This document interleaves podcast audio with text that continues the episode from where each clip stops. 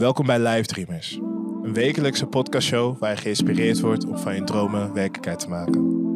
Ik ben Benjamin Colté en samen met de Adem Co Members Club in Amsterdam ga ik in gesprek met echte dreamers. We kijken naar een carrière, maar we bespreken voornamelijk wat hun dromen zijn.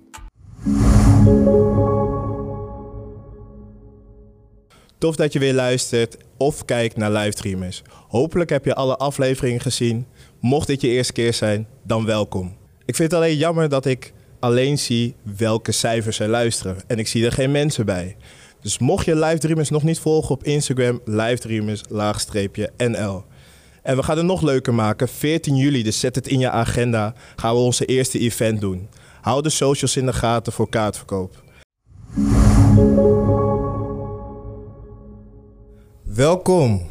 Dank je. Welkom bij Live, Welkom bij Live Dreamers, uh, Talisha.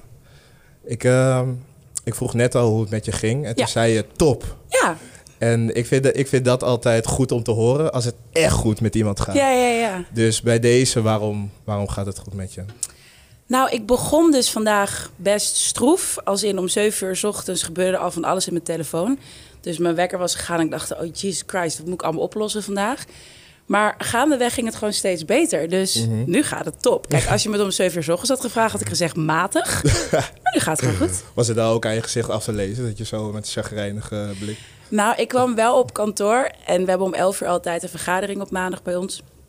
En ik kwam zo echt binnengestormd. Toen ging ik zitten en toen zei iedereen, ben je, ben je oké? Het lijkt, het lijkt alsof je al een hele dag erop hebt zitten. Zei ik, ja, zo voelt het ook echt. Ja. Eh, maar toen zag ik mijn collega's weer en eh, we hadden heel veel leuke projecten vandaag. En nou, dan ben ik gewoon weer helemaal blij en gelukkig. Nice, goed Ja. om te horen. Ja. Ik wil het vandaag met je hebben over je dromen. Ja. Over je pieken, maar ook je dalen. Ehm, en daarin de rode draad vinden. Ehm, ook carrièrewijs. Dus we gaan helemaal terug naar het begin. je komt uit Amsterdam Zuidoost. Yes. Tell me. Trots. Jawel hè? Ja, man. En ja. ik vind het mooi, want ik heb natuurlijk ook onderzoek naar je gedaan. Ja. Dat je het ook elke keer steady benoemt. Ja, benoemen. Ik, ik, ik, ehm, hoe langer ik dit werk doe en hoe eh, mooier of groter mijn carrière wordt, hoe meer ik het waardeer waar ik vandaan kom. Ehm, en voor mij heeft Amsterdam Zuidoost super veel voor me betekend. Ik denk dat het echt gemaakt heeft wie ik ben. En, en ook de keuzes die ik maak in mijn werk, bijvoorbeeld financieel gezien of, of inhoudelijk. Of, het, het, het, het heeft gewoon echt een soort basis neergelegd. Ehm, maar ook mijn normen en waarden en, en hoe je met mensen omgaat. En ehm, voor mij is zoiets als inclusiviteit vanzelfsprekend. En dat komt Ja. omdat ik opgegroeid ben op OSB. Weet je wel? Dus het, is, het heeft me zoveel kennis en know-how gegeven die ik gewoon nog steeds gebruik. En ik kan het ook echt, ik kan het echt missen ook de Bijlmer, weet je wel. Dus het is ja, ik ben daar echt ongelooflijk trots op. En juist doordat heel veel mensen me dan nu zo, oh je bent inspirerend en waar kom je vandaan? En dan wil ik echt van de daken schreeuwen, de Bijlmer. Ja, ja, ja. Omdat ik gewoon wil dat, dat daar, ik hoop gewoon dat er één meisje van kleur daarop staat en denkt, als zij het kan, dan kan, ik het ook. Dan heb ik al gewonnen. Nice. Ja. En je, je zei net, eh, het heeft me gevormd tot wie ik ben. Ja. Welke, welke dingen hebben jou precies gevormd? Die je vanuit daar hebt meegenomen? Ehm, ik denk dat ik streetwise ben. Leg uit. Nou, dat dus, ik heb geen opleiding gedaan. Ja. Ik, ik, eh, eh, ik heb op OSB gezeten en ik heb één jaar ROC gedaan, kunst, cultuur en amusement. Toen ben ik eigenlijk vrij snel in Spanga's gerold. Dus ik heb geen diploma's gedaan. Ik heb niet... ehm, ik heb geen universiteit, ik heb geen onderzoeken gedaan. Ik weet niet wat een P is. Ik heb nooit een scriptie geschreven. Het klinkt ook allemaal als de hel als, als stagiaires het uitleggen. Ehm, ik, ik, heb, ik, heb, ja, ik heb gewoon mijn- kennis van, van het doen. Ja, ja, ja. En ik denk wel dat de manier waarop je met bepaalde dingen moet omgaan eh, eh, op, de, op de middelbare school of ehm, het weten dat je altijd al vijf punten achter staat en hoe je daar dan weer mee omgaat om er toch voor te zorgen dat je precies krijgt wat je wil. Dat had ik denk ik niet gevonden als ik in Amsterdam Zuid was opgegroeid. Ehm, En waarom niet? nou, omdat ik ook denk dat je dat in, in de Bijlmer heb je ook elkaar. Ja. Snap je? Dus je zit gewoon in hetzelfde. Dus ik denk dat als je ergens anders bent opgegroeid en dat je daar eh, eh, alleen in bent, dat het veel moeilijker is dan dat je in een omgeving bent waar meer mensen hetzelfde meemaken. Ehm, Als in je, je hebt het gevoel dat je dan alleen staat, zeg maar. Omdat Ja. andere mensen natuurlijk anders zijn. Die, en die kunnen het Ja. ook niet begrijpen dan. Dus dat, en dat is heel logisch ook. Ehm, dus ik denk dat de, de, de, het socia- sociale aspect, het, het, het op een glimlach krijgen wat ik wil. Ehm, ehm, maar ook eh, zeker OSB. Ik bedoel, ik vind het echt nog steeds de allerbeste middelbare school van eh, heel Nederland. Mhm. Daar liep echt alles rond. Alles liep daar rond. En, en daar, als het gaat over homoseksualiteit of non-binair of whatever. Ik had het er laatst nog met iemand over dat ik zeker weet dat als de term non-binair, als dat, als dat naar boven zou komen als ik nog op de middelbare school zat daar, dan hadden we waarschijnlijk tegen die persoon gezegd: Oké, ho- hoezo? Vertel, leg even uit. En dan hadden we met z'n allen gezegd: Oké, cool. En dan ga je door en je laat. Dat is echt iets wat ik daar op de middelbare school heb geleerd. Sterker nog, ik kwam daarvan af en toen dacht ik: Oh, de wereld is helemaal niet zo mooi. Snap je? Oh, wacht, het is veel harder eigenlijk. Maar denk je Ehm, dan ja. ook niet dat, ehm, dat het dan belangrijk is om juist in een omgeving te zijn waarbij je heel veel inclusiviteit hebt? Waardoor als je daar uitkomt en je hoort die term non-binair, dan Ja. doet het niks met je.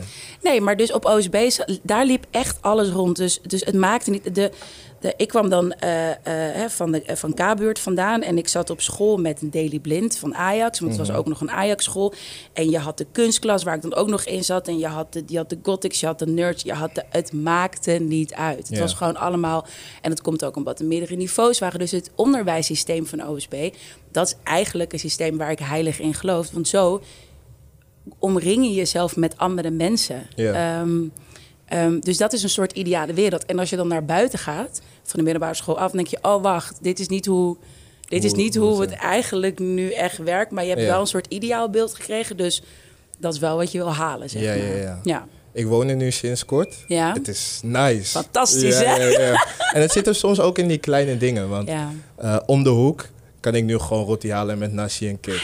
Het is een, iets kleins, maar het is Ja. wel... Kleine dingen maken het groot En verschil, goed. zeg maar. En je hebt daar ook, en die is daar nu weg, maar je had daar ook gewoon cafeetjes. En er stond er gewoon een man in de keuken. En dan kon je daar binnenlopen. En dan het, wat hij, waar, waar hij zin in had om te maken, dat kon je op dat moment bestellen. En als het op was, jammer voor je, dan was het op. En Mhm. de, je had in de flat bij ons, dan had je, je, je had er alle, alles rondlopen. En het is, ja, het is een soort bepaalde gastvrijheid, een soort community. Die ja, kan je bijna niet uitleggen als je er niet vandaan Ja, komt. gewoon langskomen.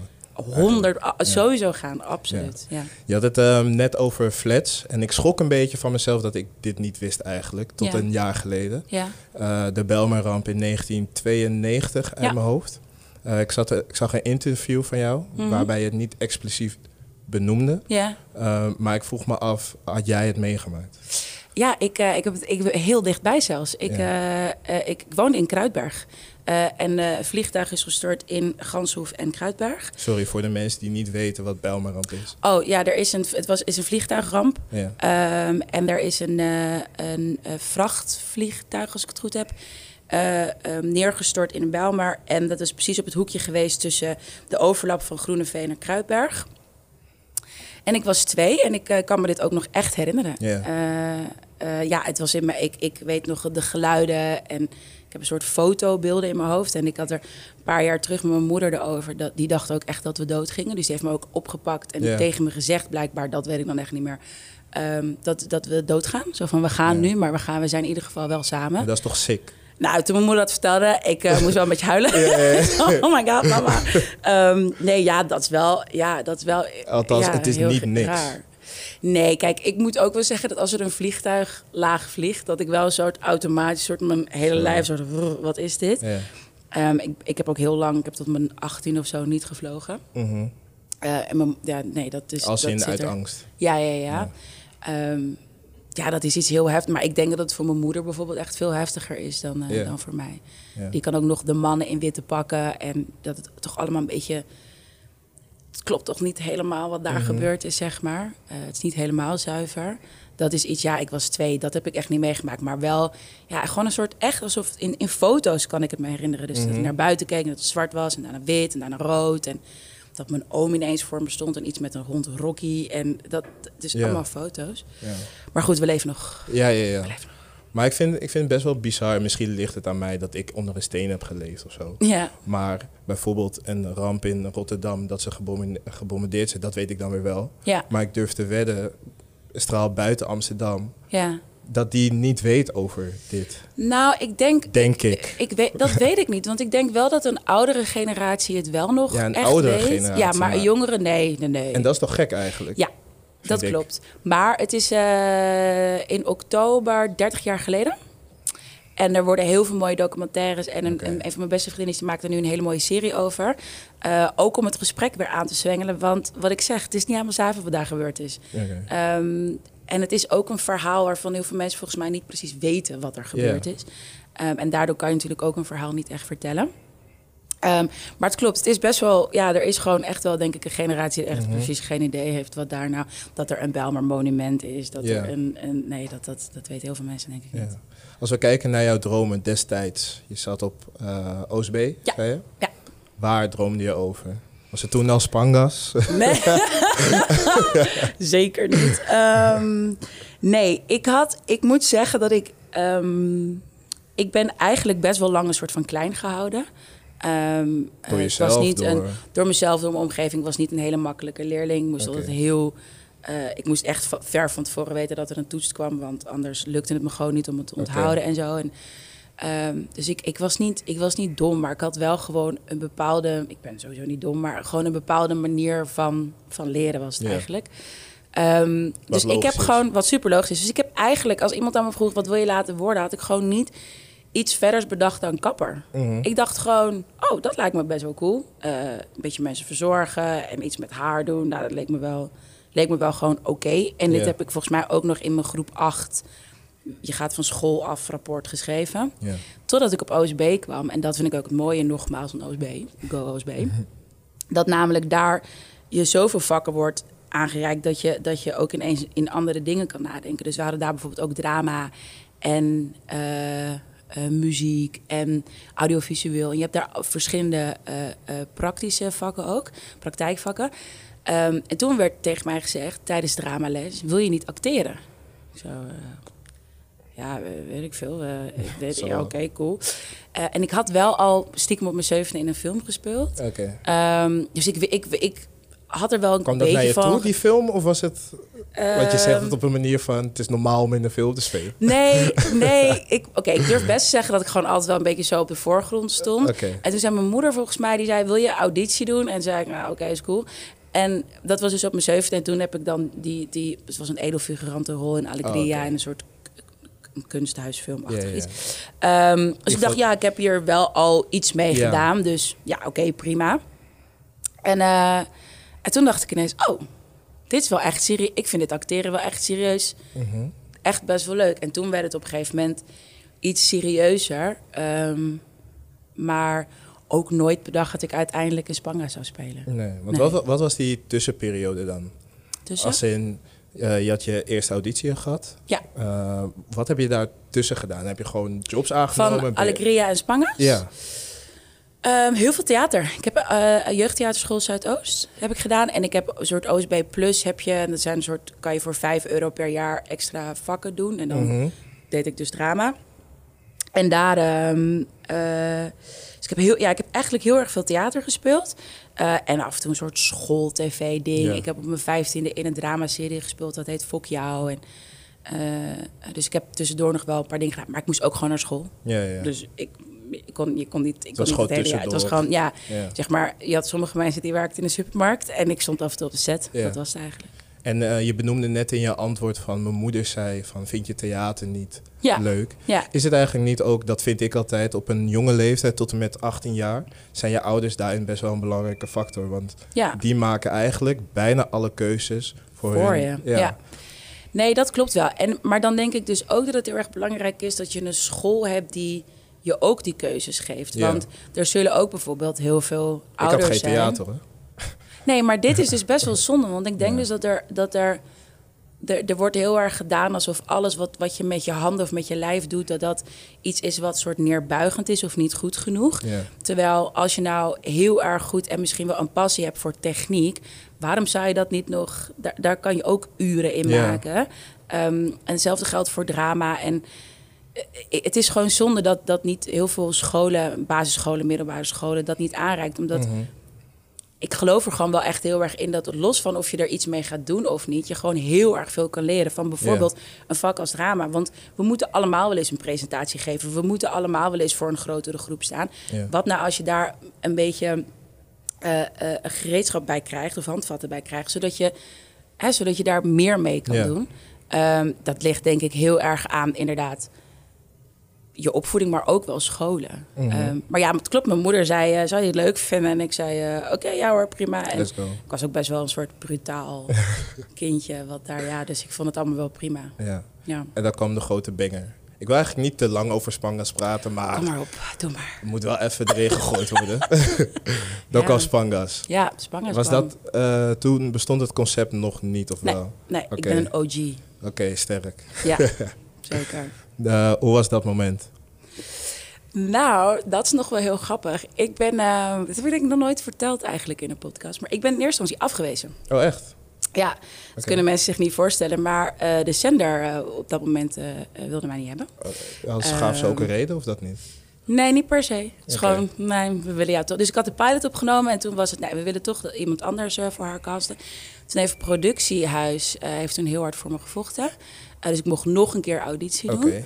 Ehm, en toen dacht ik echt, oké, maar deze is nu echt van mij. Ja, ja, ja. Ehm, want ik vond gewoon de rol Avalanche, ik vond het, in, nog steeds hou ik van haar. Ik vond het fantastisch om te spelen. Mhm. En ik vond het in de pilot al. En ik dacht gewoon, ik, ik moet deze rol hebben. En, en het is heel grappig, ik had het, ik ehm, ben 11 mei ben ik jarig, dus drie weken terug had ik het er nog over. Omdat ik namelijk, toen ik 17 werd, op mijn verjaardag werd gebeld met, Oh, je echt? hebt de rol gekregen.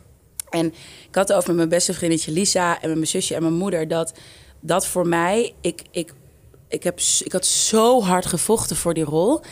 Het moment dat ik hoorde, je hebt hem gekregen, wist ik. En dit gaat mijn leven volledig veranderen. En, en Voelde je dat aan je water? Of? ja, en het was heel leuk dat ik ook, want ik moest, er, ik moest ook huilen ervan, omdat ik gewoon een soort opluchting. En, maar Lisa vertelde ook dat we wisten gewoon allemaal, oké, en nu, nu gaat er echt iets anders gebeuren in, jou, in jouw leven. En dat is wel, en dat klopt ook, het heeft me alles op zijn kop gezet. Ja, ik denk ook een belangrijk eh, ding wat je net benoemde, is dat je eerst werd afgewezen. Ja, Uh, want je had ook ervoor te kun, eh, voor kunnen kiezen om te denken van, weet je wat, ik hoef daar niet nog een tweede keer, want Nee. ik behoud gewoon mijn ego. Ik ja. bedoel, eh, Ja, ik heb zoals- niet zoveel ego, Nee? denk ik. Nee. Mocht je dat wel hebben, dan, Ja. dan kan je denken van... Dit, Ja, eh, laat maar, maar dat is ja. ook opgeven. Ja. En dat is, dat is nooit een optie. Ja. Dus ik vind het een mooie dat je, ondanks, eh, dit, in dit geval was het maar een één keer nee. Ja. Maar je hebt ook wel situaties gehad, misschien met andere dingen, dat je wel eens tien keer nee hebt gehad. En dan die, oh, ik heb zo die- vaak nee's gehad in mijn leven. Zoveel Ja. nee's gehad in mijn leven. Ik had laatst nog een gesprek met iemand. Het was best wel een groot project dat uiteindelijk niet doorging. En toen zei hij op een gegeven moment... ja, ik snap ook wel dat het zwaar voor je is om een nee te horen. En toen zei ik ook tegen hem... ik heb te vaak nee's gehoord om, om deze opmerking te horen. Want het voelt echt een beetje als een belediging. ja. Alsof ik een soort klein kindje ben wat, wat, wat het niet leuk vindt dat er een project niet doorgaat. Het, een, het nee horen is niet zo erg, maar het gaat over de manier waarop iemand je een nee vertelt. Dus je kan gewoon zeggen, we zijn gematcht. We gaan niet met elkaar door, we gaan geen project maken, whatever. Maar je hebt ook mensen die een nee willen zeggen om je neer te halen. En dat is een hele vervelende nee. Ook dat geeft me alleen nog maar meer power om te vechten.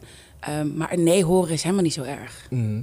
En wat ik ook heb, ik heb een paar jaar in de sales gewerkt, dus een nee heb ik heel vaak Snap gehad. je? Maar wat ik daar ook in heb geleerd is, sommige mensen zeggen nee meer omdat het hun niet uitkomt. En misschien Ja. over drie weken later is het van, oké, ja, sorry, Cool. ik was toen mentaal. Ja, sorry. Is het, let's go. Past het toch niet helemaal? Ja. Of ja, daarom dus een nee is ook niet iets eh, persoonlijks. Ja. Soms wel, ja, maar ja, maar ja, je weet zelf beter, toch? daarom.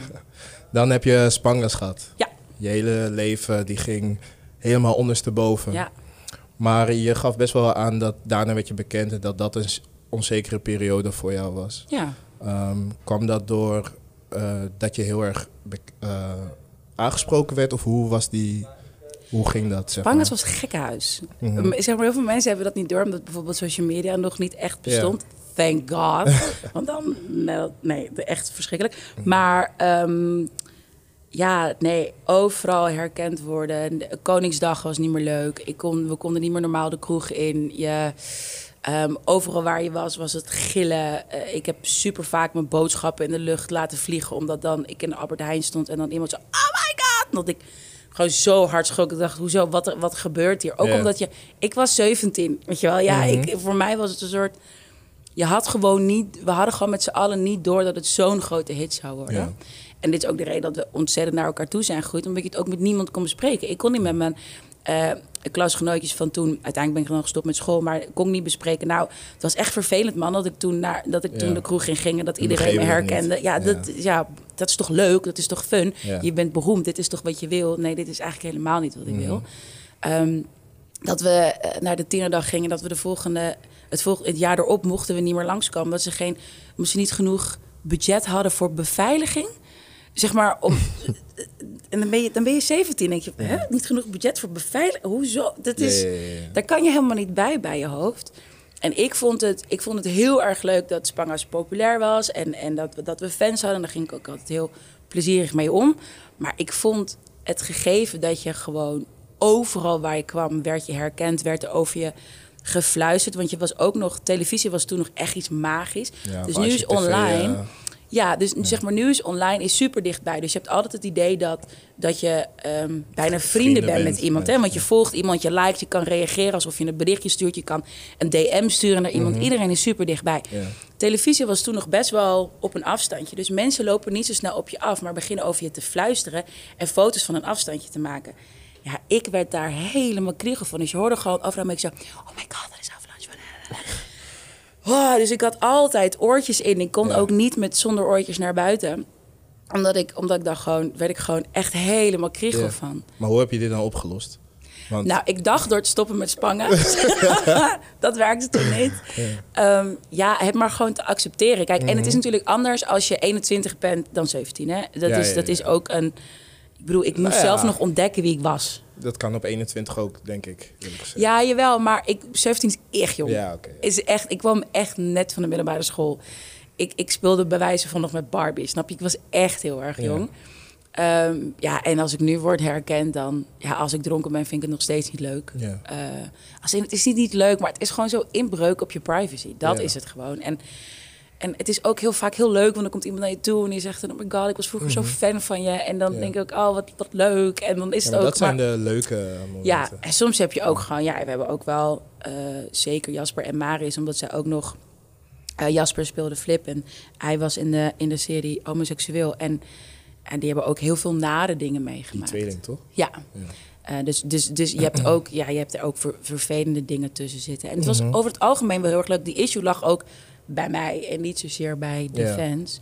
Maar ik kon er gewoon niet echt mee Ja. omgaan. Maar ik snap het wel. Een keer, of iets waardoor ik dit eigenlijk niet wou doen om hier te zitten, had dus met een beetje herkend worden. Ja. Want je komt gewoon in die mediaschap. Ja. En ik ben zelf gewoon iemand die, ik hou van mijn privacy. Dus Ja, ik wil bepalen wat je ziet en that's it. ja. Uh, ook met alles wat er nu gebeurt, cancel culture, je zegt wat verkeerd, bam, weg ermee. Ja. Ehm, dus ik begrijp, want ik hoor dan best wel veel mensen zeggen van ja, bekend worden zou, zou ik best wel nice vinden. ja, vind je Uh, niet. Nee, en dat, dat, dat snap ik dan niet. Ehm, Maar het ziet er heel mooi uit, Ja. hè? Dus je komt, eh, je hoeft nooit meer eh, in de rij te staan. Je komt overal binnen en eh, het leven is fantastisch. En het ziet er allemaal, buitenkant ziet het er heel mooi uit. Maar er is niemand die zegt, nou, wat ik het leukste aan presentator, eh, influencer, acteur vind... is dat ik de hele dag word herkend. Niemand. nee. Niemand vindt dat leuk. Het is, niet, het, het is iets wat erbij hoort. Het is iets wat je, wat je voor lief neemt. Maar iedereen moet altijd een beetje wennen aan... "Huh, hoezo word ik ineens overal herkend? Hoezo? Het is niet... it- It's not fun. Nee. het is het gewoon echt Ja. niet. Ik haat het ook altijd als ik naar programma's als The Voice kijk... dat iemand dan zegt... Ja, ik wil gewoon super graag beroemd worden. Dan denk ik, nee, hey, dat wil je niet. Vind ik ook een verkeerde intentie om überhaupt een vak te beoefenen. Beroemd worden. Maar nee, je wil het, je wil het gewoon Ja. niet. Neem van mij aan, je wil het niet, punt. niet doen. Nee. Dan, ehm, dan heb je op een gegeven moment je punt van Spangas heb je, heb je gehaald. Ja. Ehm, en dan komt wel die onzekere periode. Wat voor gedachten had jij op dat moment? Want je gaf net aan, je was 21 toen je stopte, toch? Ja, Of- nee, of ik denk het, ja, of twintig misschien wel. In ieder geval rond die leeftijd. Ja. Stoppen op je piek met zo'n moment is best wel een moeilijke keuze. Denk ik. Ja, dat was het dus niet echt. Of voelde je echt, zeg maar... ik werd wakker en ik dacht, Dit is het niet. ik heb geen zin meer. Ja. En toen kon ik nog, weet ik veel, ik had geen hypotheek en ik had geen, ik woonde nog bij, Ja. nee, ik woonde wel op mezelf. Nou, ik weet eigenlijk niet hoe, hoe makkelijk ik het gedaan heb, maar ik dacht gewoon, eh, dit is niet, dit is niet, ik wil niet nog dit elke dag doen. Dus ik ga stoppen. Toen ben ik met Spanga's gestopt, heb ik nog wel Spanga's live gedaan. Maar ik ben nooit bang geweest om geen werk te hebben. Oké. Dus het het is knap, hè? Dat, nee, dat weet ik. Maar ik dacht gewoon, het komt altijd goed. Het, het maakt niet uit. En ik wist ook al vrij snel dat ik achter de schermen wilde werken. Ehm, want dat vond ik gewoon eigenlijk veel interessanter dan Mhm. als acteur in mijn kaliber. Dan werd gewoon al, alles wordt verteld. Wat je aan hebt, wat je zegt, hoe je loopt. Hoe je bij wijze van moet gedragen. En ik dacht gewoon, nee, ik wil, ik wil mijn eigen baas zijn. Ik wil zelf dingen kunnen bepalen. Ja. Ehm, ik heb ook heel lang mijn haar bijvoorbeeld eh, ge- gestyled. Omdat ik gewoon in een, dat ik dacht, ha, dit is wat ik doe.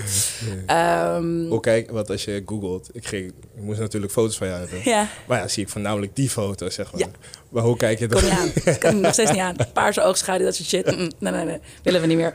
Ehm, eh, dus dat, ik wist... En ik, ik dacht gewoon, ja, maar ik, ja ik ga, dit gaat gewoon goed komen. Ik heb er nooit... Ik heb er echt nooit over getwijfeld. Eigenlijk wat ik merk is, je hebt altijd naar je gevoel geluisterd. Ja, 100%. En als jouw gevoel zegt stoppen, dan is het gewoon Is klaar. het klaar? Ja. Ja.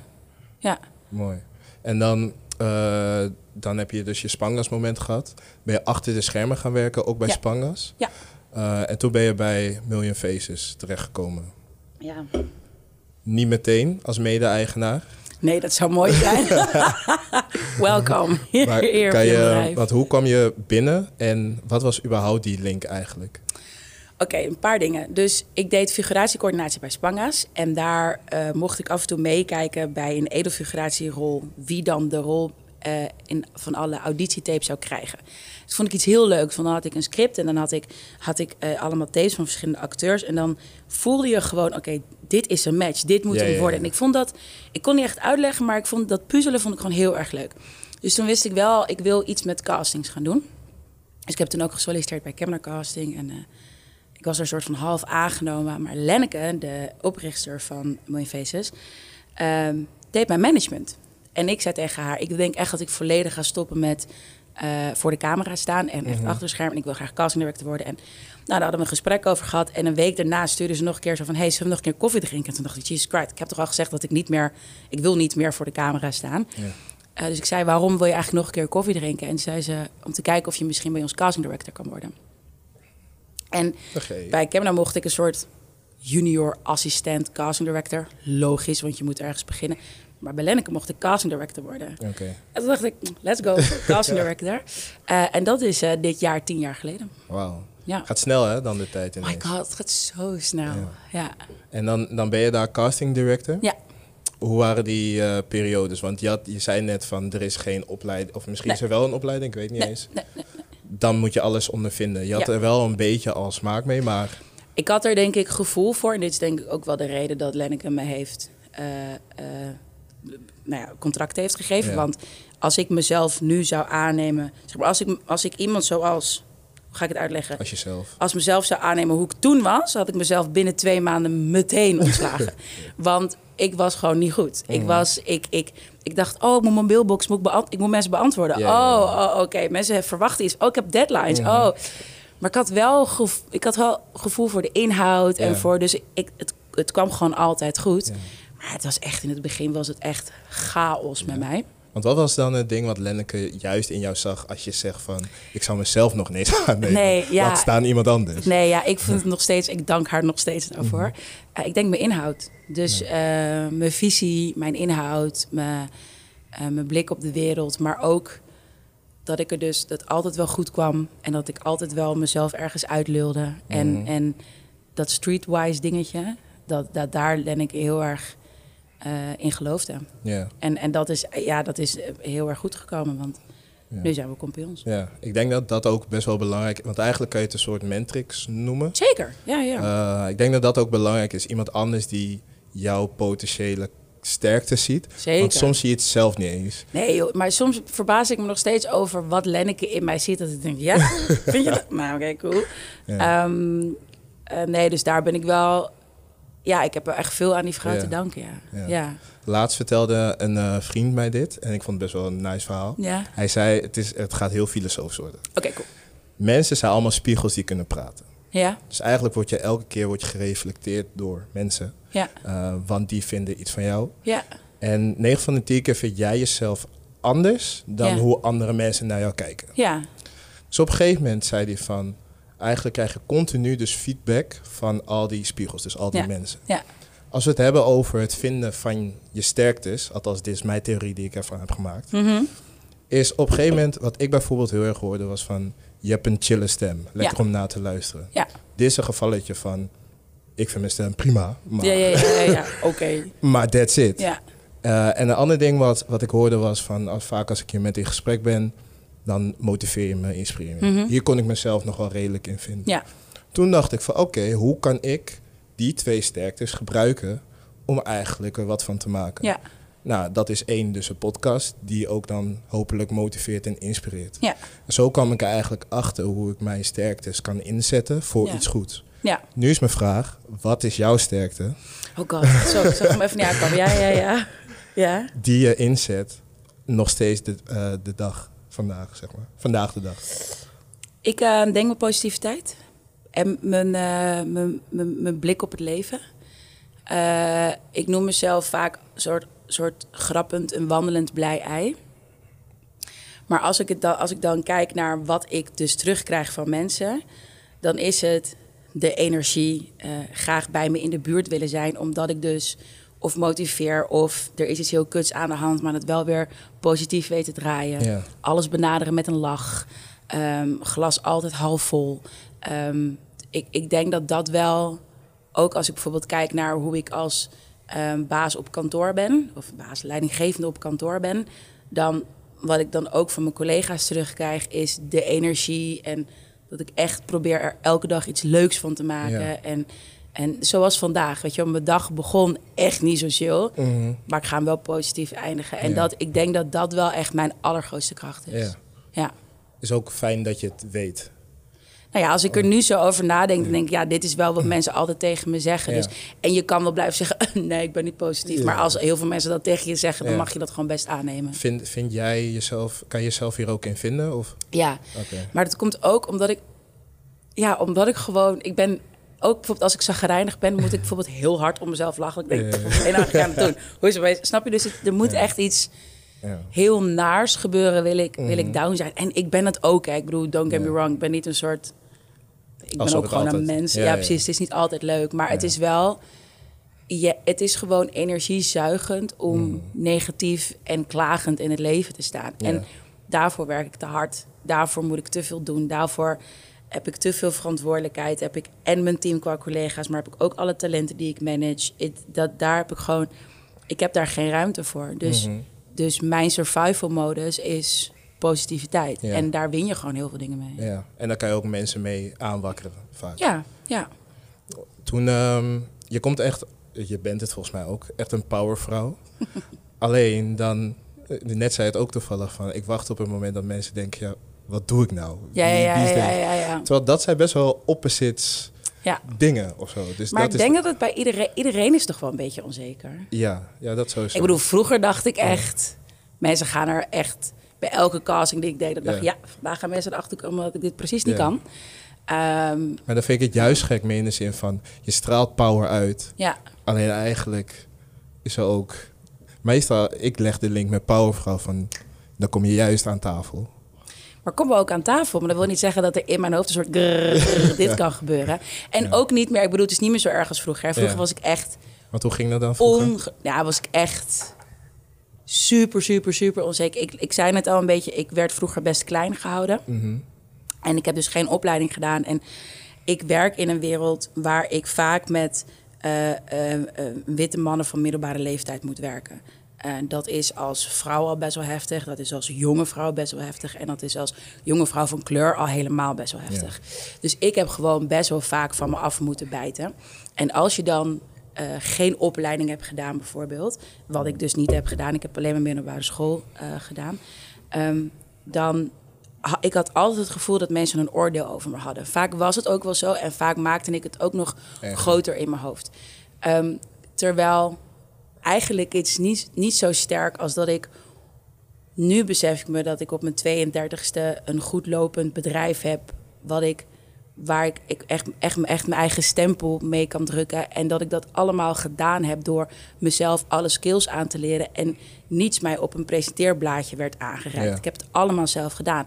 Maar het moment dat je dus met allemaal mensen in gesprek gaat die bepaalde woorden gebruiken, die eh, eh, zeggen waar ze vandaan komen en wat voor universiteiten of, of, of opleidingen ze gedaan Ja. hebben, dan word je eigenlijk meteen nog onzeker. Dus ik werd gewoon heel vaak in mijn hoofd dat kleine meisje en dan zei ik gewoon, ik kan dit niet, ik kan dit niet, ik kan dit niet. Ja. En Lenneke is wel echt de persoon geweest die heeft gezegd, je kan dit wel en je gaat het ook gewoon doen. Dus nogmaals, ik ben echt, ik bedoel, ik ben, heel, ik ben haar heel erg dankbaar. Wat Ehm, zou je, want ik herken dit ook wel heel erg, omdat dan kom ik bijvoorbeeld bij merken aan tafel Ja. en dan zegt ze precies hetzelfde. Alleen dan komt ook nog de vraag van ja, hoe oud ben je eigenlijk? In Ja. mijn geval is dat 23. Ja, En dan is het van, oh nou leuk, tof, oh dan ben je best wel ver, bla bla bla. Ja, Alleen dan denk ik van ja, wat heeft dat ermee te maken, zeg maar? Ja, ik, ik kreeg gewoon regelmatig en nog steeds naar mijn hoofd zo van... Wat ben je het pas... Nou, ik begon met bij Mooie Facebook 22 was volgens mij... Ben je pas 22? Je komt net kijken. Ja. Oh my god, wat een baby. Bla, bla, bla, bla. En nu denk ik, ja, ik ben 32, maar ik heb al 17 jaar ervaring. Eh, ik zit met mensen aan tafel die minder lang werken dan ik. Ehm, ja, nu voelt het heel erg als een kracht, maar ik heb dat wel echt... Dat heb ik wel echt moeten, moeten onderzoeken. En heb ik ook oprecht echt met coaches en echt actief mee bezig geweest. Omdat ik gewoon dacht, er is, er is meer. Ik kan, me, ik kan mijn onzekerheid... Het is namelijk ook heel gek. Het is een, eigenlijk een emotie die niet bestaat. Ja. Dus ja. je bent namelijk onzeker voor wat als. Ja. Dus je bent onzeker voor iets wat er nog niet is. Mhm. En vaak is het ook je eigen gedachten. Ja, net zoals angst. Hè? Het, is, het is iets wat er. Het is iets voor. Je, het, het is er gewoon. Het bestaat niet. Want je bent bang voor een situatie die nog gecreëerd moet worden, maar het is niet nu. Betekent dat als je je laat tegenhouden door je onzekerheid, je eigenlijk je eigen. Je bent, je, je bent een soort slachtoffer. En dat creëer je zelf. Dat Ja. doet je omgeving niet, dat doe je zelf. En toen ik dat op een gegeven moment door, had, toen dacht ik echt, oh hell, nou dat ik dit Ja. nog langer ga doen. En nog steeds kan ik wel ineens in een meeting zitten dat ik denk, oké, maar ook, het is ook soms lekker, toch? Ja, Om nog even dat je niet in je luie stoel gaat zitten, maar ook soms af en toe geeft je denkt, ook oké, nu moet ik even, nu moet ik even echt mijn best doen, of nu moet ik echt even opletten. Want jij had dan eh Lenneke. Ja. Eh, beschouwde je die ook als coach of zat je daar, was je daarnaast nog? Nee, nee, nee, ik heb echt met allemaal Oké. losse coaches. Is dat dan ook wat je eh, meegeeft aan mensen die ongeveer rond de 20 zitten? Van joh, ga vooral met coaches. Totaal. Ja, ja, ja. En wat voor ook. coaches dan precies? Nou, ik heb een soort. ehm, eh, God, ja, ik heb een coach gehad wat me echt leerde om in mijn eigen kracht te staan. Ik heb een coach gehad die me liet zien wat mijn patronen waren, gewoon überhaupt. Dus je hebt ook heel veel patronen, namelijk die je privé meemaakt en die je dan weer in je werk, eh, in je werk stopt. Ehm, of, of dat je ook bepaalde dingen herhaalt of een bepaalde reactie waarvan je denkt, "Huh, hoezo reageer ik eigenlijk zo? En als je dan teruggaat, dan, dan, dan wordt het allemaal best wel helder en duidelijk. Eh, ik denk dat eh, los van je leeftijd, los van je ambitie, dat het altijd goed is om met iemand te praten. Omdat er is zoveel impulsen, er is zoveel aan de hand, er is zoveel wat je wel, wat je niet kan doen. Er zijn heel veel kansen, maar er zijn ook heel veel mensen die helemaal geen kansen krijgen. Het is volgens mij heel erg belangrijk om je hoofd op orde te houden. Ja. eh, om ervoor te zorgen dat je gelukkig kan zijn. Ik, ik doe het nog steeds regelmatig. Ik schaam me er ook niet voor. Het is soms heel erg zwaar. Ik, ik, ik, ik, ik, ik doe het ook altijd einde van de dag, omdat ik weet dat ik daarna waarschijnlijk heel hard moet huilen. Ja, maar dat ja, is niet, het is niet iets, dat is niet zwak. Het is juist heel erg sterk, sterk. als je toegeeft van oké, dit is iets waar ik aan moet werken om de volgende stappen te kunnen zetten. Ja. Ehm, Alleen ik denk ja. gewoon dat het enge is om naar jezelf te kijken van oké, waar ben ik nou echt slecht in? En soms kan Ja. het echt confronterend zijn. Zeker, maar het, is, het is heel sterk om te weten waar je goed in bent. Het is nog sterker om te weten waar je niet goed in bent. Want dan kan je de juiste situatie om je heen Mhm. creëren. Ik denk dat er heel veel mensen met over, overspannen, overprikkeld eh, klachten thuis zitten. Omdat ze iets aan het doen zijn wat, wat, ze wat, helemaal wat, ze helemaal niet, ja. wat ze niet leuk vinden. Of wat ze misschien wel gewoon ook niet kunnen. hè. Heel veel mensen durven ook niet toe te geven. Ik kan dit niet. Want je moet mooi weerspelen. Ja. Voor wie? Ja. Nee, is mooi gezegd. Ja. Ja. Als we kijken naar die tien jaar. Ja. Ben jij nu, is jouw droom destijds uitgekomen? Droomde je dit überhaupt om...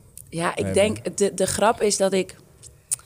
Ik had er vandaag met een collega over, met Iris, en die zei: Ja, waar ga je het over hebben? En eh, toen zei ik: Ja, het is een beetje over mijn dromen. En, en zei ze, toen zei ze ook: Was dit je droom? En ik, ik denk het niet. Maar dat klinkt heel raar. Het is namelijk: Ik heb nog nooit iets gedaan waarvan ik zei: Oké, maar dit is wat ik wil halen en dan ga ik daar naartoe. Mhm. Ik heb gewoon altijd mijn onderbuikgevoel gevolgd. Als ik ergens gelukkig van word, als ik weet dat ik ergens ehm, mijn stempel op kan drukken, als ik weet dat ik het verschil kan maken, dan wil ik dat graag doen. Mhm. Dat is verschoven in management zijn. Ik voel daar een bepaalde passie voor. Ik, ik, ik voel ehm, dat ik het heel vet vind om met presentatoren strategieën uit te werken. Ik, ik, ik heb een bepaalde passie voor media. Ik heb ook het idee dat ik, dat ik een, een, een nieuw geluid ben binnen de media. Dat ik echt iets kan betekenen in, Ja. die, in die hele oude, oude, ouderwetse dinosaurussen televisiewereld. Ehm, eh, dus, dus het is een bepaalde passie voor me. Maar ik heb, ik heb denk ik altijd wel mijn droom geleefd. Omdat ik gewoon altijd heel erg naar mijn onderbuikgevoel luister. Ja. En daar niet van afwijk. En, en dat is iets wat ik in mijn leven doe. Dat is iets wat ik privé doe. Dat is iets... Ik maak de grootste beslissingen, ook met ontzettend veel geld op tafel... Mhm. maak ik met mijn onderbuikgevoel. Dus ik, ik weet niet of ik nou moet zeggen... ja, dit tien jaar geleden wist ik niet dat ik dit zou kunnen doen. Nee. Maar ik heb Maar is je droom dan, want als dit niet per se je droom is, is het dan, als ik nu vraag wat is dat nu je droom, is dat een hele andere droom? Of is het wel gelinkt nee, aan mijn droom dit? is wel eigenlijk nu... Het bestaat een beetje uit twee delen. Ik wil gewoon... Ik durf wel te zeggen dat ik ons op dit moment... een van de beste managements van Nederland vind. Dankjewel. Dankjewel. Um, en dat wil ik graag behouden. Oké. Dus er zijn heel veel mensen die zeggen... oké, nou, goed lopend bedrijf en ehm, we moeten meer en het moet groter. En. Maar wat nou als je gewoon daar waar je goed in bent... als je je kwaliteit behoudt? Het is mensenwerk wat we doen. Ik verkoop geen product. Ik eh, verkoop geen data. Ik verkoop geen podcasten. Ik, ik verkoop mensen. Mhm. Eh, ik zit in de mensenhandel. Ehm, en ik- kwaliteit vind ik belangrijk. Inhoud vind ik belangrijk. Ik vind het belangrijk dat de mensen gelukkig zijn. Dat ze doen wat ze, waar, waar ze goed in zijn. En tuurlijk kan je... Ik vind bijvoorbeeld... Ik, ik speel best wel met de ambitie om misschien ook wel iets met muziek te gaan doen en management. Weet je wel? Dus dat, dat vind ik gewoon dat ik denk... Oh, dit ken ik nog niet. Dat Ja. vind ik een En om uit te vind ik interessant, precies. Kan je wel ietsjes uitbreiden, maar ik hoef niet een. Ik moet er echt niet aan denken om een bedrijf te hebben met 100 man personeel. Nee, nee, ik, heb nu, ik heb er nu 12. Oh, dat wauw. vind ik leuk. Lekker knus ook. Lekker knus. Ja. Ik ken iedereen goed. Ik weet hoe de privésituaties eruit Ja. ziet. Het is, het is mijn team. Tuurlijk kunnen we wel nog ietsjes groeien. Maar ik hoef niet een soort miljoenenbedrijf. Mhm. En ik hoop, wat mijn privédroom is, is eigenlijk steeds meer ehm, met de mogelijkheden die ik heb, met de tools die ik heb, met ook een stukje macht die ik heb binnen, denk ik, medialandschap, ehm, om, de, om daar goede dingen mee te doen. Mhm. Eh, om daar het verschil in te maken, om En dan Eh, goede dingen in de zin van, het is best wel breed nou. Nou, bijvoorbeeld, eh, ik heb twee, of het is een maand terug denk ik alweer, heb ik ehm, zelf het besluit genomen om bijvoorbeeld mijn kantoor dicht te gooien met Kitty Kotti. Hey. En ik dacht, eh, ik kan wel wachten tot de overheid het voor me gaat doen. eh, door daar een nationale vrije dag van te maken. Maar eh, Mark Rutte heeft wel inmiddels laten zien dat hij er niet voor mij is. dus ehm, toen dacht ik, had ik ook met mijn compagnon erover. Toen dacht ik, ja, Je kan het ook gewoon zelf. ik kan het zelf doen. Ja. Ik heb een bedrijf. Ik kan zelf de beslissing maken om vrij te zijn op Kitty Kotti. Ja.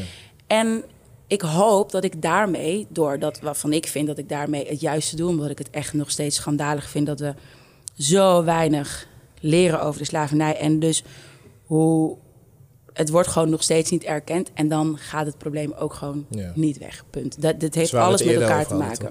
Ja. 100 procent. Ehm, maar eh, kantoor gaat dicht. Er gaat overal een auto-reply op. Daar gaat ook in staan waarom we dicht zijn. Dat gaat er staan in vier zinnen, zodat mensen het ook daadwerkelijk lezen. Ja. En ik hoop gewoon dat ik bij de drie, 400 mailtjes die we op die dag binnenkrijgen bij Million Faces... Misschien zijn er wel tien Die denken van, eigenaren die denken... Fuck, Je hebt gelijk. je hebt gelijk man. Ja. En die doen het volgend jaar. En zo verspreidt het zich. En daar geloof ik in. En dat betekent dat ik dus... Vrouwelijke Rutte.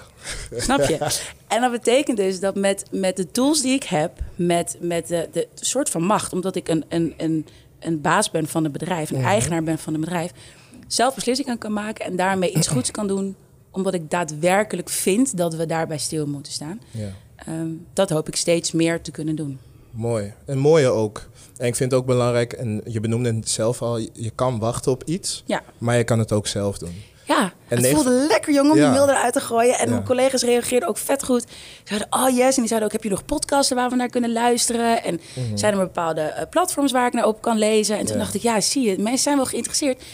We doen er alleen niets mee. En, en nou ja, dat is wel verandering. Het is super cliché, maar het begint wel echt bij jezelf. En, en soms is het, ik denk niet per se dat het bij jullie is, maar ze zijn ook bij andere bedrijven, dan gebeurt het alsnog. Alleen dan is het, ik kan niet komen. Ja, ja, ja, ja. Ik ben er niet zo Ja. iemand. Ja. Dus dan kan je beter zelf al een beslissing nemen. ja, Ja. dit is wat we gaan doen. Je had een nummer van Kanye West naar me gestuurd. Ja. Of welk nummer hebben we het? Oeh, hoe heet die? Oh jee. Alain Bien? Ja. Ja, ja, ja. Vertel, waarom heb je dit nummer gekozen? Ik, ehm, ehm, wat ik er, ik vind Kanye West sowieso briljant in alles wat hij doet. En ik Dat vind album het ook is wel echt gruwelijk. niet Ja. normaal. Die heb ik nog zo vaak op repeat staan en ik kan daar kippenvel van krijgen. En ik heb op heel veel nummers wel een soort speciaal moment met vrienden. En dus het is, het, is een heel belangrijk album voor me. Mhm. Ik vind Kanye West sowieso heel erg interessant, omdat hij namelijk van zijn, ehm eh, ja, noem je dat, zwakheden, mindere punten. Wat, nou ja, hij is natuurlijk ehm, bipolair. Mhm. Dat hij daar echt zijn kracht van maakt, dat vind ik al een, een mega vet gegeven. Ehm, maar dat nummer is, gaat heel erg over de kracht die hij haalt uit zijn geloof. En ik ben helemaal niet eh, eh, gelovig, ben wel heel, heel spiritueel. Ehm, en ik vind het gewoon heel erg tof als mensen kracht uit iets kunnen putten op een positieve manier. En ik hou van gospel. En altijd als ik dat nummer hoor, dan is het gewoon van begin tot eind ook gewoon kippenvel. Het geeft me power. Ja. En Vooral die gospelkoord, die geeft die extra... oh, het is, en het is zo'n gesprek, snap je? Het is zo, het is muziek, maar in gespreksvorm. En dat soort spoken word bijna. Mhm. Ja. Ik vind dat echt, ja, echt een mooi nummer. Ja. En je zei net, eh, je bent niet gelovig, en Nee. maar wel spiritueel. Wat Ja. is voor jou, hoe zie jij het verschil tussen die twee? Dat ehm, eh, spiritualiteit heel erg gaat over mij. Ja. En denk ik, maar daar weet ik ook niet genoeg van af. Dus ik hoop niet dat ik nu mensen beledig. Maar ik heb het idee dat als je ergens in gelooft, je iets volgt. eh, bepaalde manier van leven, bepaalde keuzes die je maakt. Mhm. En voor mij is spiritualiteit iets, wat ik zeg, onderbuikgevoel. Ja, ja, ja. Eh, Signalen eh, meer. Ja, dus dat is echt iets, iets van mij. Het is ook niet iets dat ik de hele dag tegen mensen zeg... kijk, maar super spiritueel zijn. Of, Nee, nee, nee. Ehm, maar dat is Hoeft gewoon iets. Nee, maar dus het is gewoon iets van. ehm, het is gewoon iets voor mij. Ik, ik geloof gewoon dat er, dat er wel echt meer is dan mm, dit hier. Maar ik denk ook wel dat dat, al spreek ik nou voor mezelf, kan dat je ook best wel veel kracht geven. Want Totaal. Ik ben dan door mijn ouders eh, wel gelovig opgevoed. Mhm. En voorheen, hoe ik het vroeger een beetje meemaakte, vond ik het gewoon saai, eerlijk gezegd. Ja, En eh, ik weet nog wel, dit heb ik eigenlijk nog nooit gezegd, maar bij deze, ik Ja. weet nog wel, het ging eh, uit met mijn ex, Ja. die eerste heartbreak. ja, ja. Doet pijn altijd. en toen, ehm, omdat ik dus altijd gelovig ben opgevoed, en op een gegeven moment kwam ik op een leeftijd dat mijn ouders gewoon zeiden van, je mag zelf kiezen wat je doet. Ja. Toen dacht ik gewoon van, weet je wat, ik ga mijn handen vouwen en als mijn ouders zeggen dat het werkt, laat, het, laat ik het gewoon proberen. En letterlijk tot de dag van vandaag doe ik het voor het slapen gaan. Ja. Doe ik het nog steeds. Ja. En ik durf ook wel te zeggen van het heeft me ook wel kracht gegeven. Ja. Nou zie ik geloof wel, je hebt verschillende soorten geloven. Mhm. Ik heb meer het idee dat er gewoon iets is ja, en die waakt op me, over me. Ja. Zo zie ik het meer. ja. In combinatie met het gevoel spirit, eh, spira, wow, Het is oké. Het is oké. spira, Spiri. onderbuikgevoel. Nice. gewoon omzetten. met dat soort gevoelens. Ja, Eh. Ik denk die combinatie, dat werkt heel erg voor mij. Ja, Eh, en ik, ik. denk dat dat ook de reden is waarom je heel vaak terug hoort van voetballers, Kanye West Mhm. en andere grootheden die zeggen van het kracht halen van iets wat groter dan jou is, ja, voelt gewoon alsof alles komt goed. ja. Want ik weet iemand daarboven die waakt op me. Ja, en het is iets heel, het is iets heel moois. hè. Ik bedoel, ik denk ook dat er heel veel mensen zijn ook heel eh, bang voor geloof of spiritualiteit. Ja. En in heel veel gevallen ook terecht, hè, want ik geloof er namelijk ook in dat geloof niet voor iedereen is. Nee, nee, nee. Het heeft Ehm, ehm, maar ik vind gewoon het gegeven dat je ergens kracht uit kan halen. Ehm, want het gekke is namelijk, je haalt ergens kracht uit, maar je, je doet het toch in die end uit jezelf. ja, Jij gaat namelijk Ja. zitten, jij vouwt je handen. jij denkt over iets na en jij staat weer op. Dat is niet, het is niet iemand die optilt. Mhm. Nee, Snap je? En, ja. en het kan wel zijn omdat je gelooft in iets, maar dat creëer je zelf met je hoofd. En dus ja, ik vind het gewoon iets moois hebben als je dat kan omzetten tot iets, tot, tot Mhm. Positiviteit. Ik bedoel, en je hebt natuurlijk echt nog heel veel lelijke dingen. Ja, ja, ja. ja. Eh, maar gewoon het, ik bedoel, ook weet je wel, met je handen eh, eh, gevouwen zitten en, en bidden tot iets. Of ik weet niet of je het dan bidden noemt, maar je zou het ook kunnen benoemen als meditatie. ja. ja. Het is maar echt net hoe je het, Ja. hoe je het Ik vind het ook mooi hoe sommige woorden, althans dat denk ik, sommige woorden, be- mensen beseffen niet hoe krachtig die woorden ja, kunnen zijn. ja, Dus bijvoorbeeld als we het hebben over zelfvertrouwen of iets. ja, Zelfvertrouwen is niet eh, alleen een woord. Het is daar staan op dat moment, ja, in jezelf geloven Ja. en je kans en pakken. het doen. Ja. Ja. En ik denk als je dat, als je die betekenis goed weet, Mhm. dan gaat, je, gaat dat je heel veel helpen. Naast alle andere. Ja, je kan wel zeggen, oh, ik heb super veel zelfvertrouwen. Maar Ja, als je het niet voelt, ja, later, dan ziet iedereen dat je niet... Ik zeg ook altijd, als mensen bijvoorbeeld zenuwachtig zijn... voor bijvoorbeeld op het podium te staan of, of te zingen of whatever... Niets is zo ongemakkelijk om naar iemand te kijken die ongemakkelijk is. Ja, ja, ja. Dus ook al vergeet je je tekst, ook al weet je niet meer wat je moet zingen... ook al zing je super vals. Als je daar staat met ik own het, het is van mij gaan mensen dat niet raar vinden. Mhm. Als je daar super onzeker op staat en, en denkt... oh, ik durf mezelf eigenlijk niet te laten zien... maar ik moet hier maar staan. Niemand gaat dat van je pikken. Dat moet echt uit jezelf En komen. je gaat het voelen ook. Ja, totaal. Dat is nice. En we gaan richting het einde. Zo snel. Het gaat sneller, sneller dan je denkt. Ja, Dankjewel voor het komen. Ik, eh, ik vind het nice om te zien hoe jij... Je hebt eigenlijk van mindere situaties eigenlijk... heb je er iets heel moois van gemaakt. En als ik een beetje het gesprek ook luister... zie ik gewoon van zelfvertrouwen en echt voor jezelf gaan... is bij jou een belangrijke factor geweest. Ja. Denk ik. dat ik wil het niet helemaal voor je invullen. Nee, maar dat, dat, dat, ja, nee, dat klopt wel. Ja. Ja. Dan gaan we nu naar je nummer luisteren. Alleen we hebben een keer wat anders. Oh god. En ik, ik, zei, ik, ik zei het net al een beetje tegen je. Dus bij de show van eh, Vincent, Ja. Vincent Patty, eh, was hier iemand te gast. Mhm. En de show was voorbij. En ik groet altijd iedereen. En toen kwam ze naar me toe, Tessa. Zei ze van, nee, ik ben harpist. En eh, ja, zo, zodra je het weet, weet je wel. Dus op een gegeven moment dacht ik van, oké, laat horen dan. en ze begon te spelen. Ik dacht, wauw, hier moet, hier moet iets mee gebeuren. Ja. Dus ehm, zij gaat jouw nummer doen, haar eigen versie Nee. van Kanye West. Wat gruwelijk. Op de harp. Ehm, dus pak je stage eigenlijk. Tessa Carina. Oh my god, wat vet. Ja.